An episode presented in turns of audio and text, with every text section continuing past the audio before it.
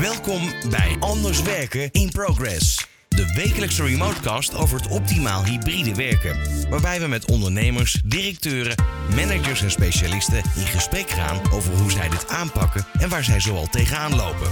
We zoomen in op de nieuwe werkplek, verbinding houden, technieken, management tools, HR-vraagstukken, cybersecurity en nog veel meer. Elke keer weer een andere invalshoek en stof tot nadenken. Voorheen leek de toekomst van werken vrij duidelijk. Maar kijk een paar jaar vooruit en de toekomst van werk ziet er totaal anders uit. Kantoren zijn woonkamers geworden en vergaderzalen grotendeels leeg en kantooruren variëren. Het hele concept van werken keerde zichzelf op zijn kop en het lijkt onwaarschijnlijk dat het ooit nog teruggaat naar de situatie die we ooit gewend waren. Personeelstekorten, AI en ChatGPT en meer nieuwe ontwikkelingen dragen hier nog eens extra aan bij. We moeten anders leren werken, een proces dat nog in zijn kinderschoenen staat en veel bedrijven dus nog mee worstelen. Hoe komt dat en hoe kan dit anders? In de studio vandaag Kelvin Rorieve, co-founder van het CCRC, Tom Engels, manager networking bij Telindus en Henk Slabbekorn, Verizon Blue Jeans of is dat uh, inmiddels anders geworden? Nee, het, het is nog uh, Blue Jeans uh, by Verizon. En, Verizon, ja, sorry. Het klopt inderdaad dat Verizon met Blue Jeans gaat stoppen. Maar ik, ik ben nog actief en ik zit als zodanig hier achter de microfoon. Nou, fijn dat je er bent. Ik kom zo direct even daarover bij je terug, Henk. Ik begin eventjes bij Kelvin, co-founder CCRC. Kan je even aangeven waar dat voor staat? CCRC, ja, ik heb daar lang op geoefend. Ik kan het inmiddels vloeiend uitspreken. Cyber Chain Resilience Consortium. Wel. Zo, ja, precies. Uh, en ja, dat is een stichting die zich richt op het uh, oefenen, het helpen van de MKB, de MKB-sector om te oefenen op het gebied van cybersecurity. Daar is denk ik nog een hele hoop te doen, maar daar komen we zo direct wel zeker, terug. Zeker, ja. ja. Nou, mooi initiatief. Tom, de Linders. Jij hebt al eerder bij ons in de uitzending uh, gezeten. Zeker. We hebben ook al een keer een radioprogramma samen opgenomen, Nieuw Business Radio.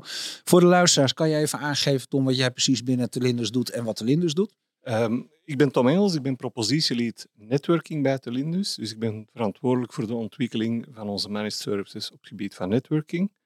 Telindus in de brede zin doet um, IT-infra dienstverlening. Um, en daar combineren wij network, security en cloud oplossingen in automation om eigenlijk die IT-infra in te regelen tussen gebruiker en applicatie. Nou kom je dus al heel uh, dicht bij de expertise van Kelvin en vice versa. Er zijn zeker uh, raakvlakken. Ja. En ik, uh, de luisteraars hebben het misschien al gehoord. Ik ben er natuurlijk ontzettend trots op dat jij vanochtend om vijf uur al bent gaan rijden vanuit België om hier uh, vandaag in de studio aanwezig te zijn. nou ja, even voor de luisteraars, want het, daar kwam de, de term interbellum ook tevoren. We hebben gisteren hebben we een bijeenkomst gehad voor de summit. Een bijeenkomst met alle partners, sprekers, panelleden, noem maar op. En nou ja, daar was jij ook al aanwezig. Dus jij bent in de Nederlanden gebleven. En vanochtend hier weer op locatie. Fijn dat je er bent, dankjewel. Henk, ik schakel nog even jou terug, want jij zit in een transitie. Ja, ook een soort interbellum eigenlijk. ja. kan je misschien je zoon nog helpen bij zijn afstudeerproject? ja, nou wellicht hè. Nee, dat is al gebeurd. Maar uh, het klopt. Uh, um, uh, Blue Jeans was eigenlijk heel succesvol als, als videoplatform. de core business was meetings. Uiteindelijk juist door COVID is dat natuurlijk in een stroomversnelling gekomen. Maar wat ook in de stroomversnelling is gekomen, is de macht- en marktpositie van, uh, van Microsoft. En iedereen die niet Teams heet, heeft het op dit moment gewoon moeilijk, omdat zij uh, ja, die markt in handen hebben. En dat is voor Verizon wel een reden geweest om uh, op termijn te gaan stoppen met Blue Jeans. En we zitten nu in een traject dat we, ik ben verantwoordelijk voor alle corporate klanten, met meer dan 5000 werknemers in de Benelux en de Nordics. En die wil je natuurlijk ook vanwege Verizon op een nette manier uh, helpen om uh, de diensten uh, zeg maar over te laten gaan. En dan daarna ga ik hopelijk, en dat weet ik eigenlijk al zeker, weer iets heel leuks doen wat ongetwijfeld weer hiermee te maken heeft. Ja. Nou, toch ontzettend fijn dat je erbij bent vandaag en ook vanuit jouw expertise en dingen die je al eerder ook rondom de summit hebt gedaan op 19 juni. Ik kijk even naar uh, de heren die vanuit uh, de IT en cybersecurity uh, hoek ook in de studio aanwezig zijn. We hebben elkaar een aantal maanden terug gesproken. We hebben de zomerperiode tussen gehad. We hebben het toen ook gewoon over gehad van nou, er moet ontzettend veel nog gebeuren. Even een terugblik in de markt. Waar staan we inmiddels? Kelvin? Nou, als ik kijk naar de journey die wij aan het doen zijn met, de, met CCRC, dan, dan zie je dat er het, het rommelt. Hè. Misschien is dat wel het beste woord. Het rommelt. Eh, Het, is ook een beetje spannend. Hè. Moeten wij nou echt daar actie op ondernemen? Moeten we nou echt gaan oefenen op het gebied van cybersecurity? Dus er is wel heel, heel veel interesse. Eh, maar we merken ook dat er heel veel koudwatervrees is. Zo van, En als je zegt dat rommelt, kan je daar iets specifieker in zijn? nou ja, het rommelt van. eh, Er is wel veel over, er wordt veel over gesproken. Je ziet dat de overheid er ook heel veel aan het pushen is. Van ja, de de beste organisaties, ga daar nou mee aan de gang. Weet je wel, je, je, je, eh, je vroeg of laat ben je aan de beurt. Hè? Dan word je toch geraakt door een cybercrisis en ben dan voorbereid. Het is geen kwestie of, maar wanneer dus. Ja, dat is eigenlijk wel een beetje de, de boodschap. En bij de een wordt het een heel zwaar, hele zware crisis, bij de ander iets minder. Maar in alle gevallen moet je daarop voorbereid zijn. Eh, is hetzelfde als een brandoefening, daar ben je ook op voorbereid. Nou, en, en dat is met cybercrisis, moet je dat, moet je dat ook doen. En eh, de organisaties die daar al mee te maken gehad hebben, ehm, ja, die kunnen dat voluit ook zeggen van ja, weet je, was ik maar beter voorbereid, hè, dan, dan had de impact van mijn, van mijn crisis veel minder geweest. En had ik ook veel lagere kosten gehad eh, voor de herstel. Maar ik heb de term al eens eerder laten vallen, maar het komt er eigenlijk op neer. Wat je niet ziet, is er gewoon niet klaar. Ja, nou goed, dat is onder, ja, dat klopt. Hè. Het, is, het is minder tastbaar. Een brand, eh, dat voel je, dat zie je. En eh, dus daarom is storytelling heel waardevol. Daarmee wordt het een klein beetje tastbaar. Hè. Dus die ondernemers die, die, nou ja, zo sterk en zo stoer zijn om daadwerkelijk publiek te gaan met hun ervaring, hè, eh, die dan eigenlijk de eh, cyberschaamte te over zijn. Eh, ja, dat zijn de, de, sto- de, verhalen die het veel tastbaarder maken en, en daarmee ook andere ondernemers wellicht toch over die drempel heen helpt om, om daar ja, op, voorbereid te zijn. Is daar geen schaamte om erover te vertellen? Ja, zeker. Ja, oké. Ja. Want voor jullie zou natuurlijk het mooiste zijn dat je case na case na case na case eh, de wereld in, eh, inschiet. En dan zou de, de awareness een stuk sneller gaan. Zeker. Maar ik kan me voorstellen dat eh, net zoals mensen die ook door phishing of wat soort dingen, hè, of eh, zakenmensen die gewoon niet echt dom zijn, maar toch eh, door een 500.000 euro naar Nigeria overmaken, die dat nooit en te nimmer aan de wereld zullen vertellen, want daar schamen ze zich kapot voor. Ja. Tom, herkenbaar wat Kelvin vertelt? Ja, zeker herkenbaar. Wat we wel zien is eh, van op IT-infragebied dat we meer vragen krijgen eh, naar nieuwe architecturen. Hè, Dus bijvoorbeeld SD-WAN, Software Defined WAN, is een technologie die helpt ehm, om die nieuwe eh, realiteit in te regelen met eh, work from anywhere en cloud shift. Ehm, en we zien die vragen komen. Cloud Delivered Security begint ook maar niet met de full eh, implementation. Als je kijkt naar het SASI-framework, daar hebben we het in het verleden nog over gehad. Dus Cloud Delivered Security combineren met altijd beschikbare connectiviteit, dan zien we dat er uitvragen komen naar bouwblokjes uit die architectuur. Ja, ja. Dus we zijn samen op weg om die nieuwe eh, IT-architectuur in te regelen. Maar niet in één keer. Nee, want ja, goed, dat is natuurlijk eh, niet in één keer.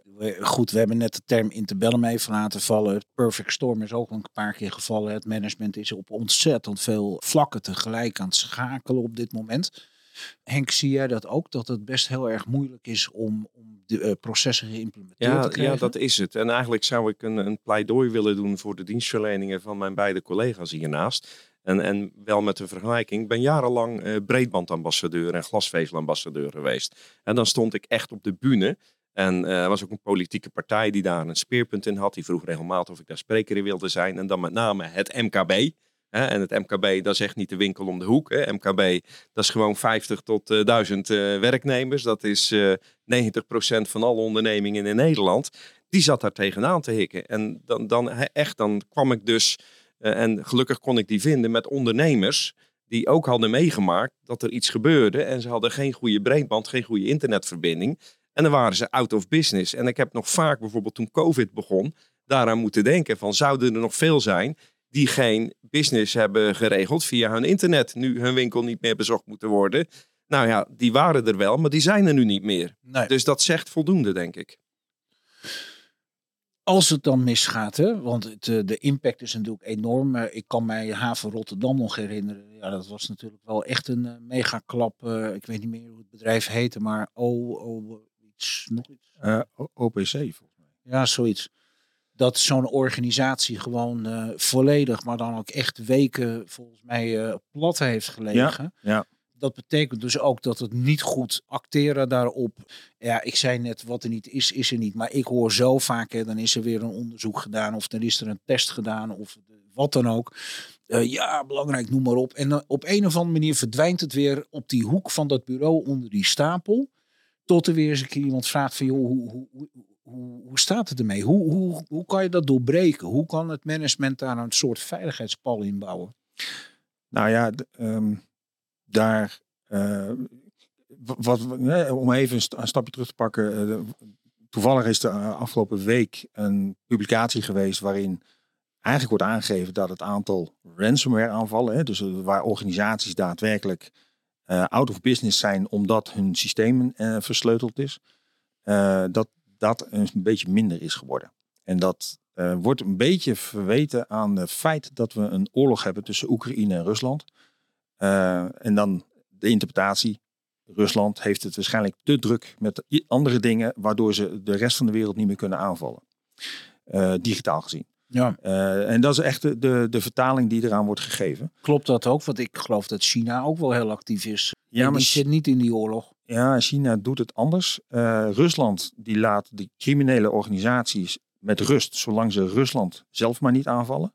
China doet het vanuit een overheidsperspectief en die breekt in bij organisaties om eh, R&D-achtige informatie boven water te krijgen. Dus die hebben een andere drijver. Oké, dat snap ik. Maar wat, wat, wat is het nut voor Rusland dan? Wat, wat heeft Rusland hier aan? Nou ja, die, die, zegt van ja, weet je, ik, ik heb er geen last van als die, als die partijen in mijn land eh, eh, hè, de andere, andere organisaties eh, eh, onder druk zetten om daar eh, om losgeld te betalen.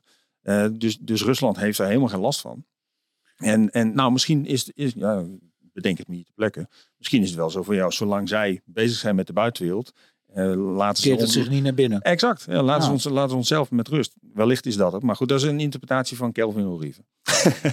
Waarvan akte? Ja, waarvan acte, ja. Tom, ik kom even terug bij jou. Hè? Hoe, hoe kijk jij daar tegenaan? Hoe ervaren jullie dat vanuit de Lindes?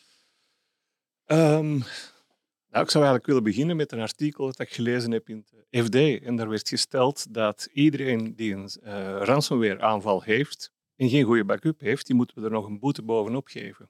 Nou ja. Dat was een stelling. Hè? Dus als je er wilt tegen beveiligen, zorg dan dat je een goede backup hebt van alles. Als je gegijzeld wordt, dat je snel terug eh, up and running bent.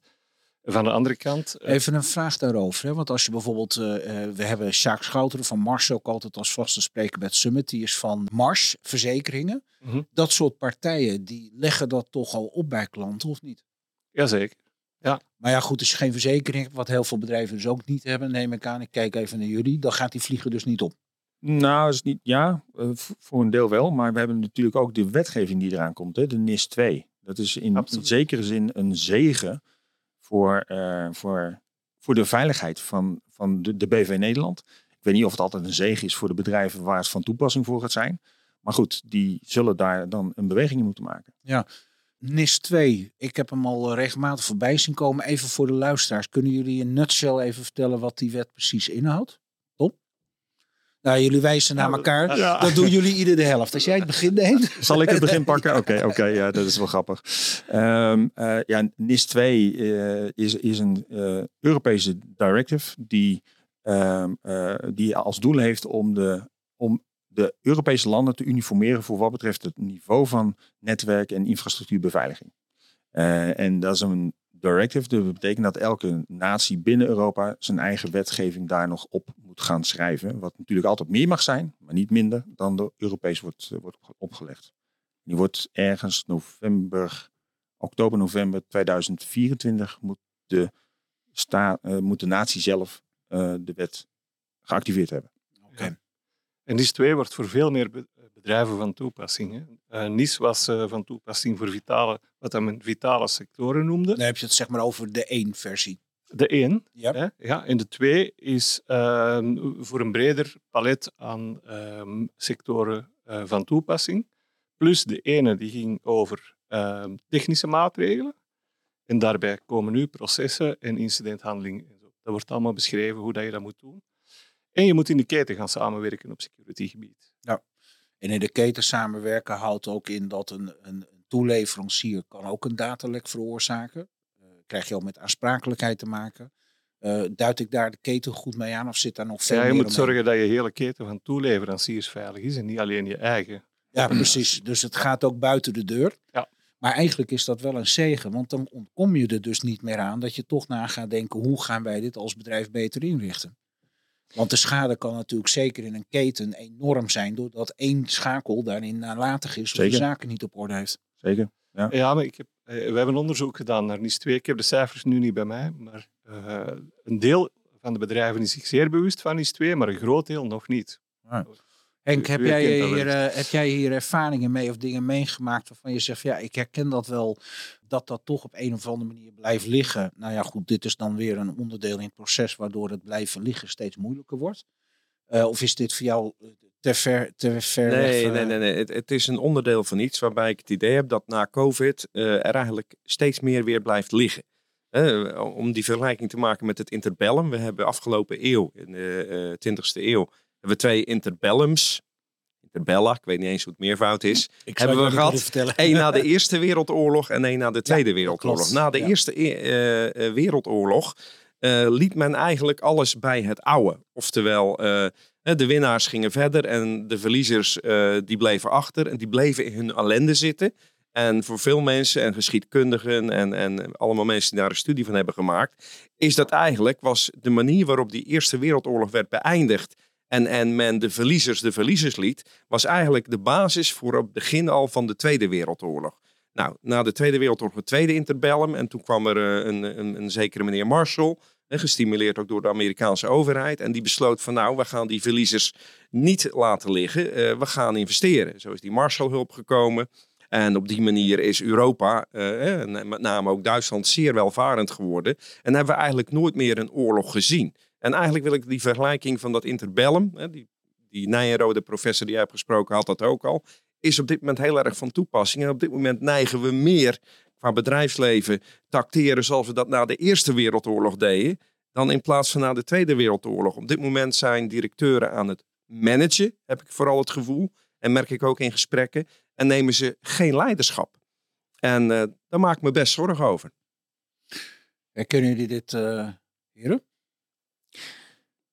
Ja, ja, leiderschap. Dat is, dat is wel iets waar, ehm, eh, ja, waar je natuurlijk heel lang over kan praten. Van wat, wat, eh, wat verwacht je nou en eh, hoe, hoe, hoe, ga je daarmee om als, als organisatie en ook als, als, als directeur van een, van een organisatie. Ehm, ehm, het, het, is, het is iets wat eigenlijk ook bij ondernemen, ondernemen hoort. Hè. En, en als, je, als jij een, een ondernemer bent en je hebt een hele lange lijst met aspecten die, jij, die je daadwerkelijk moet doen. En dat wordt alleen maar meer. Hè. De NIS 2 is ook weer zoiets wat je moet doen. Ja, dan moet je op een gegeven moment ook wel gewoon keuzes maken. Want je kan het op een gegeven moment niet meer bolwerken eh, of betalen. Hè. Want, het, want NIS 2 klinkt aardig, dat moet je aan voldoen.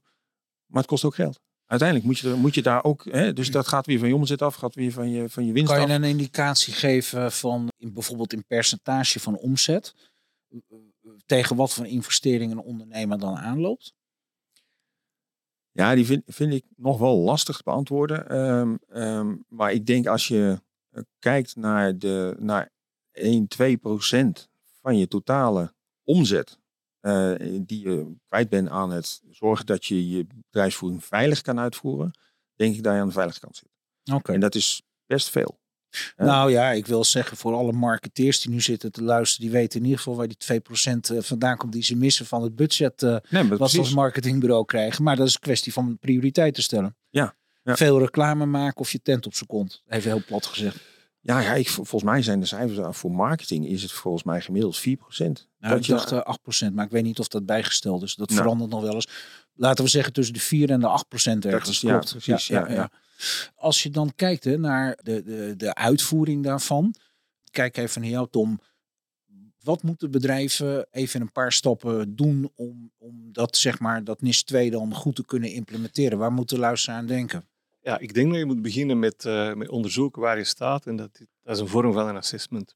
Ja. Ehm, kijken, ehm, wat is er kritisch voor je bedrijfsoperatie? Hoe ziet je security er nu uit? Maar hoe ziet je workforce er ook uit? En heb je daar de nodige maatregelen getroffen om dat veilig te houden.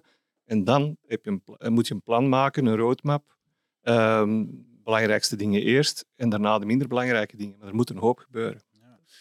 Ik vind het super interessant wat je zegt. Want dan kom ik even bij het grote geheel terug. Je moet een plan maken, je moet inventariseren.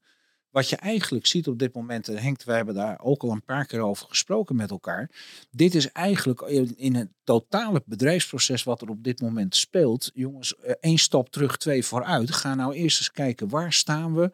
Hoe zijn we geëquipeerd? Hoe staat de medewerker ervoor? Alleen, er gebeurt zoveel anders. En je ziet gewoon dat dingen tussen wal en schip vallen. Nou, ik zie Kelvin ook al een beetje knikken, want dat is natuurlijk, ja, bij cybersecurity hoor ik al heel lang, hè, dat dat, dat, dat ja, tot grote frustratie van eh, prioriteiten stellen, noem maar.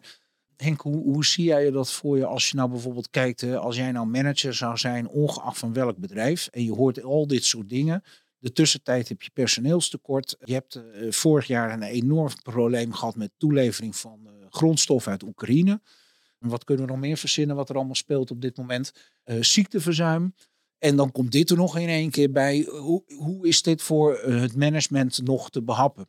Het is moeilijk te behappen. Ik zou dan ook geen manager willen zijn, maar een leider. Hè? Want een manager, Ja. dat is pappen en nat houden voor mijn gevoel. En een leider, die, eh, die neemt initiatief. En het initiatief wat ik zou nemen, is om eh, de laag daaronder... en dan met name de mensen die, eh, die wat jonger zijn... en die, die gewend zijn om met verandering om te gaan, daarbij te betrekken. En dan niet alleen die IT-afdeling. Ook die andere afdeling, want dit is voor iedereen van belang. En eh, welke systemen en software en weet ik veel allemaal je ook gaat aanschaffen of voor processen je gaat implementeren. Het gaat vooral om bewustwording van de mensen zelf. En die, die moet je daarin in hun kracht zetten. En Ja. daar begint leiderschap mee, ook in dit geval. Vind ik aan een hele mooie opmerking. We hebben dat tijdens de summit ook gezien dat de sprekers opviel dat de bezoekers best heel erg jong waren. Dus de onder C-level, die moet het gaan dragen. Dat, moet, dat moet de aanjager worden in het hele verhaal. Wat je ook zegt, Henk, en dat, eh, dat, eh, dan kijk ik weer even naar eh, Tom en naar Kelvin. ehm, is dat je tegenwoordig, en ik weet niet of voor, voor jullie dat herkenbaar is, maar dat je niet meer alleen met IT aan tafel zit, maar HR en facilitair in één keer ook een hele belangrijke rol. Logisch eigenlijk, hè, want niets staat meer los van elkaar. Maakt het het voor jullie makkelijker of moeilijker om het gesprek aan te gaan? Moeilijker. Ja, het is, meer het is wat complexer. Eh, maar ik weet ook uit ervaring inmiddels dat het een kwestie van gewenning is. Eh, het onderwerp, eh, als ik hem dan even over, over de as van cybersecurity leg, dan is dat onderwerp klassiek gesproken voor de, voor de security spe- specialist. Weet dat is spannend, het is eng, het is een techneute ding. Dat moeten de security experts maar doen. Maar we weten inmiddels dat het natuurlijk al lang niet meer de waarheid is. Ik bedoel, het is een aspect, zeker. Techniek is een aspect van security. Nou ja, Maar- pak hem eens beter. Stel dat je een eh, eh, HR die zegt tegen een, medewerker, joh, is prima als jij twee maanden remote gaat werken. Mhm. Die medewerker die gaat in Bangkok in een internetcafé zitten, die eh, gaat ergens Ja. de gatenkaas naar binnen toe. Ik noem het maar even dan de firewall van het bedrijf. Er ontstaan problemen. De medewerker wordt aansprakelijk gesteld. Dan hebben we in één keer van IT wordt het een, H- een HR-case. Zeker. Ja. Ja. Daar moet je maar net over nadenken. dat, het, precies, dat, het, ja. eh, dat het een aardige rabbit hole is, waar, waar je steeds verder eigenlijk in een steeds groter geheel met dingen in een bedrijfsproces te maken Ja. krijgt. En, en, dan, en dan sluit het heel goed aan op wat, wat Henk net zei. Van ja, weet je, leg die verantwoordelijkheid niet alleen maar op de, hè, bij de usual suspects, maar neem iedereen mee in, in, dat, in die dreiging zodat ook iedereen vanuit zijn eigen perspectief, vanuit zijn eigen expertise, kan beoordelen van, oh, wacht eens even, die dreiging is op security vlak op dit niveau. Voor mij betekent dat dit of dat. En kan dan daar een keuze maken. Hè? Dus die HR-medewerker in jouw voorbeeld, eh, Mike, die had dan kunnen zeggen van, ja, wacht eens even, eh, beste medewerker, heb jij goed nagedacht? En welke beveiliging heb jij ehm, gehanteerd bij het gaan werken in, eh, in, in, in, eh, Bangkok? Dus Bangkok was het toch? Ja, en dan ook nog een internetcafé. In de, in de, dus, dus dan kan, kan die HR-manager, leider, kan dan daadwerkelijk daar wat meer verantwoordelijkheid nemen naar, zijn- naar zijn of haar medewerkers. Ja. En dat is precies waar je naartoe wil. Als je dan bijvoorbeeld naar die NIS 2 kijkt, hè, tot hoeverre eh, is daar ook rekening gehouden met het, eh, het werken op afstand? Het werk op afstand. Ehm, ja, eigenlijk ook best. Ja, NIS 2 is een, is een, brede, een brede, eh, breed beleid. Hè? Dus dat betekent dat je gewoon risicomanagement moet uitvoeren om uiteindelijk vast te stellen waar zitten mijn zwak, eh, zwakste plekken eh, en waar moet ik dan beveiliging aan, aan eh, in verhogen. En als jij een bedrijf hebt, een bedrijfsprofiel hebt, waar medewerkers veel thuis of op afstand werken, ja, moet je daar je maatregelen ook eh, passend op, eh, op aan laten aansluiten. Zitten daar bepaalde deadlines aan vast? Wanneer gaat het in werking en wanneer moeten bedrijven aan NIS 2 voldoen? 2024 Ja. is het plan. Ik weet Maar dan kan er nog een hele hoop ellende gebeuren in twee jaar tijd. Dat is best nog een dus. 2024 is eh, volgend jaar. Hè. Eh, sorry, ja, de, de- de- ik, het is nog vroeg. Eh, nee, eh, maar in een jaar tijd. Het is best nog een lange tijd. Maar bedrijven hebben, hebben die tijd ook echt wel nodig om dat in te richten. Dus Ja, dat denk ik wel, ja. Ja. Ja, en de overheid om tot wetgeving te komen. Hè? Want het, nogmaals, het is, eh, de, de, de ondergrens komt vanuit de Europese Unie.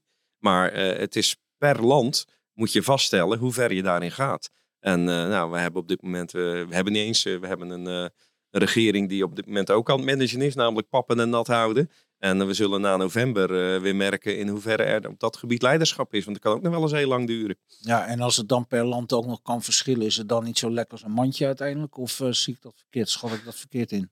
Nou, als het goed is gaan we niet zo heel veel verschillen meer krijgen tussen de verschillende Oh, landen. En dat is, precies de, dat is precies wat de NIS 2 probeert na te, na te streven.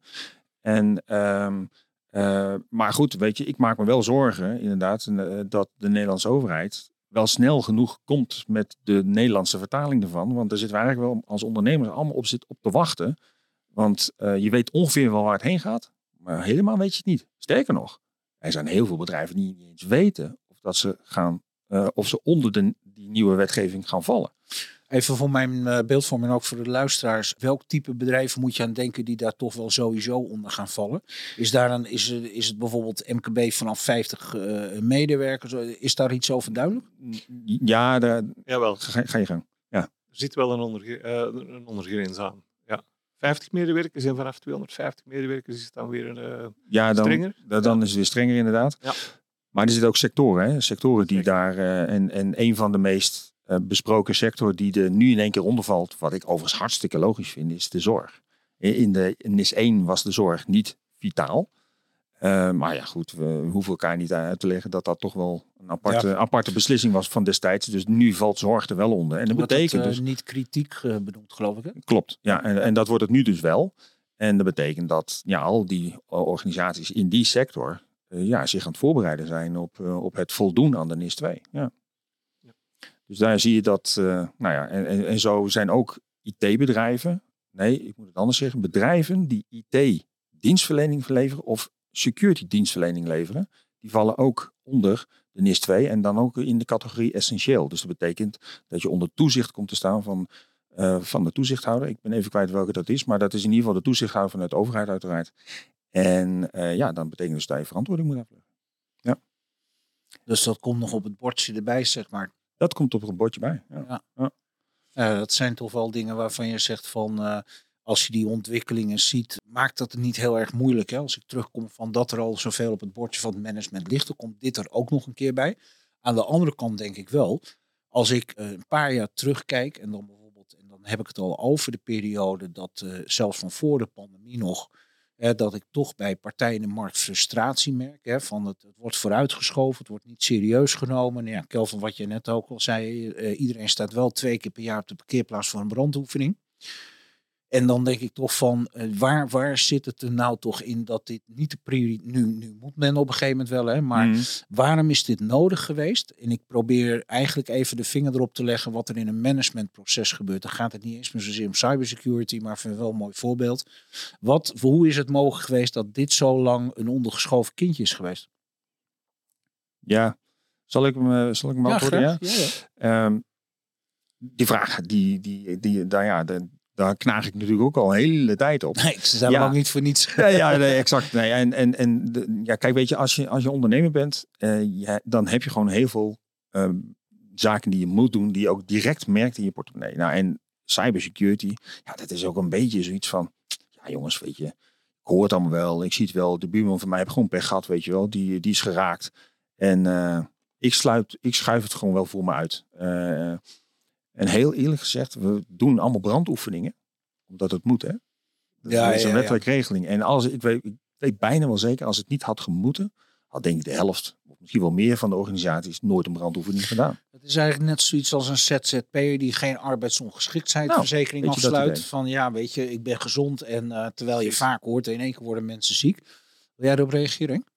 Ja, ik, ik, ik, ik, merk wel een beetje een trend. En eh, misschien is het, eh, COVID heeft veel van, van ons allemaal gevraagd als eh, werknemer, als werkgever. En ehm, ik heb nu het idee van, nou, eh, mensen zijn opgelucht. Eh, het, is, is net als met het anders werken, dat, dat, dat je toch heel veel directeuren ziet die vinden dat de mensen weer terug naar kantoor moeten, moeten komen en zo. Het lijkt wel alsof we niks geleerd hebben. Maar ik vind juist een van de belangrijkste dingen die we van COVID hadden moeten leren, en dan komen we inderdaad terug op de brandoefening, is dat je voorbereid moet zijn op wat er dan ook kan gebeuren. En ik ben gewend, maar dat, dat, ja, eh, als ik bij een onderneming zit en ik zat dan meestal aan de marketing- en saleskant, dan gingen we een jaar of vijf à tien vooruit kijken. Wat komt er allemaal aan op economisch gebied, op technologisch gebied, op sociaal gebied, op alle mogelijke gebieden. Dan eerst kijken wat betekent dat voor je klanten en dan wat betekent dat voor jezelf. En op die manier kun je een beleid uitzetten als bedrijf, kun je mensen daar bewust van maken en kom je niet voor verrassingen te staan. Maar het lijkt wel dat we nu vooral weer bezig zijn met eh, ja, eh, mensen terug naar kantoor, winstoptimalisatie en dergelijke.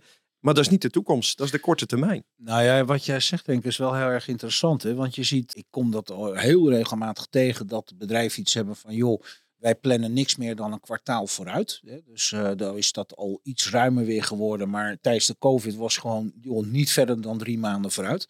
Ik vond er een heel mooi voorbeeld. We hadden op een gegeven moment studio, eh, in de studio Han Mester van de ABN AMRO Bank. Die vertelde mij, Mike, als bank hebben wij altijd eh, standaard scenario A, B, C. Dus wat er ook gebeurt in de markt. Hij zegt, we zitten nu bij letter L, want we weten het niet. Dus we hebben gewoon 13, 14, 15 scenario's liggen om maar wat er ook gebeurt een kant op te kunnen.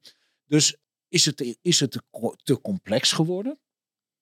Is het een kwestie van misschien niet altijd de juiste prioriteiten stellen? Is het te veel in één keer? Want dat is wel de perfect storm hè, waar we het over Ja. hebben gehad. Het is natuurlijk iets van ja. Ik zie jou Tom een beetje knikken en eh, naar het plafond kijken. Ben jij aan het nadenken of ben, of ben ik je aandacht Ja. kwijt? Eh, Wil je er iets op, eh, op zeggen?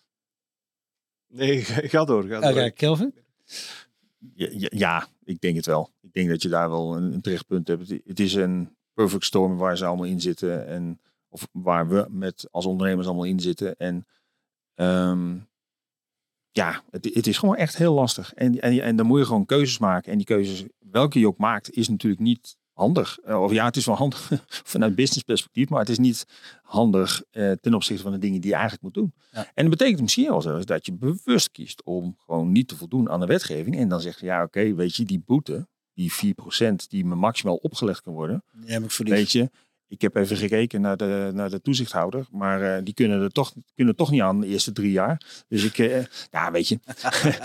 nee, maar dat, Ik, is- eh, dit, dit, ik, dit, dit ik is ondernemen. Ja, Ja, Ja, ik heb er een leuke anekdote over. Dat op een gegeven moment is die wetgeving gekomen in verband met dat, dat spammen, zeg maar. Dat is al, ah, ik weet niet precies meer, maar dat is best al 10, 15 jaar terug. Dat daar, en er was dan ook een speciale commissie voor. Dat als jij eh, eh, spamde, dan eh, kon je daar enorme boetes voor krijgen. En op een gegeven moment, ik, ik had met een, met een stichting, ons allen bekend, maar ik zal de naam niet noemen een enorme discussie met de juridische afdeling, want dat kon niet. En nou, want de boetes en noem maar op. En toen ben ik eens nagevraagd naar die club. En dan bleek- kreeg ik het antwoord van ja, dat is een groep oude sigarenrokende mannen. Die komen alleen in beweging als het Ja. om miljoenen mails gaat. En Ja. anders niet. Ja. Dus wat jij zegt, dat is nog steeds zo. Hè, dat, eh, de, je, kan, je kan op verschillende manieren doorheen laveren. Maar bottom line blijft wel dat in de complexiteit van beslissingen nemen en wat je voorrang geeft, dat daar natuurlijk een enorme uitdaging ligt. Ga er maar aan staan, hè, want ja, als er zoveel op je bordje ligt, eh, eh, ja, wat trek je eerst naar voren toe? Nou, ik, ik denk dat de overheid daar best een belangrijke rol kan spelen. En is het die nog niet pakken. Eh, niet pakken richting de MKB. Hoor. Dus dat betekent dat je daar de ministeries naast elkaar heel erg actief ziet zijn om, om nou, ja, de ondernemers dingen te laten, moeten laten doen. Maar ik denk als ze daar ook de koppers bij elkaar steken en te zorgen dat daar een begrijpelijk, nou, uitlegbaar en niet al te complex eh, pakket naar, naar de ondernemers toe gaat, waarin cyber zit, waarin HR zit, waarin, nou, noem maar op, eh, dan, dan denk ik dat het veel beter geaccepteerd gaat worden. Dus dan loop je natuurlijk wel tegen het feit aan dat de overheid natuurlijk niet de meest populaire partij op dit moment Nee. is. Ja, maar de meeste regels komen daar wel vandaan. Nou ja, eh, het geloof is er ook in weg. Eh, We zitten met een demissionair kabinet. Ja. Dus het, het, uiteindelijk denk ik dat het ook vanuit de, de mens zelf en de manager zelf moet komen. Hè? Want ja, daar begint toch alles eh, uiteindelijk. Ehm, ja, het, het, het is een complexe materie in ieder geval. Zeker. En ik ga daar graag eh, op een andere keer met jullie verder eh, in gesprek even over. Als we ook weer een stukje verder zijn.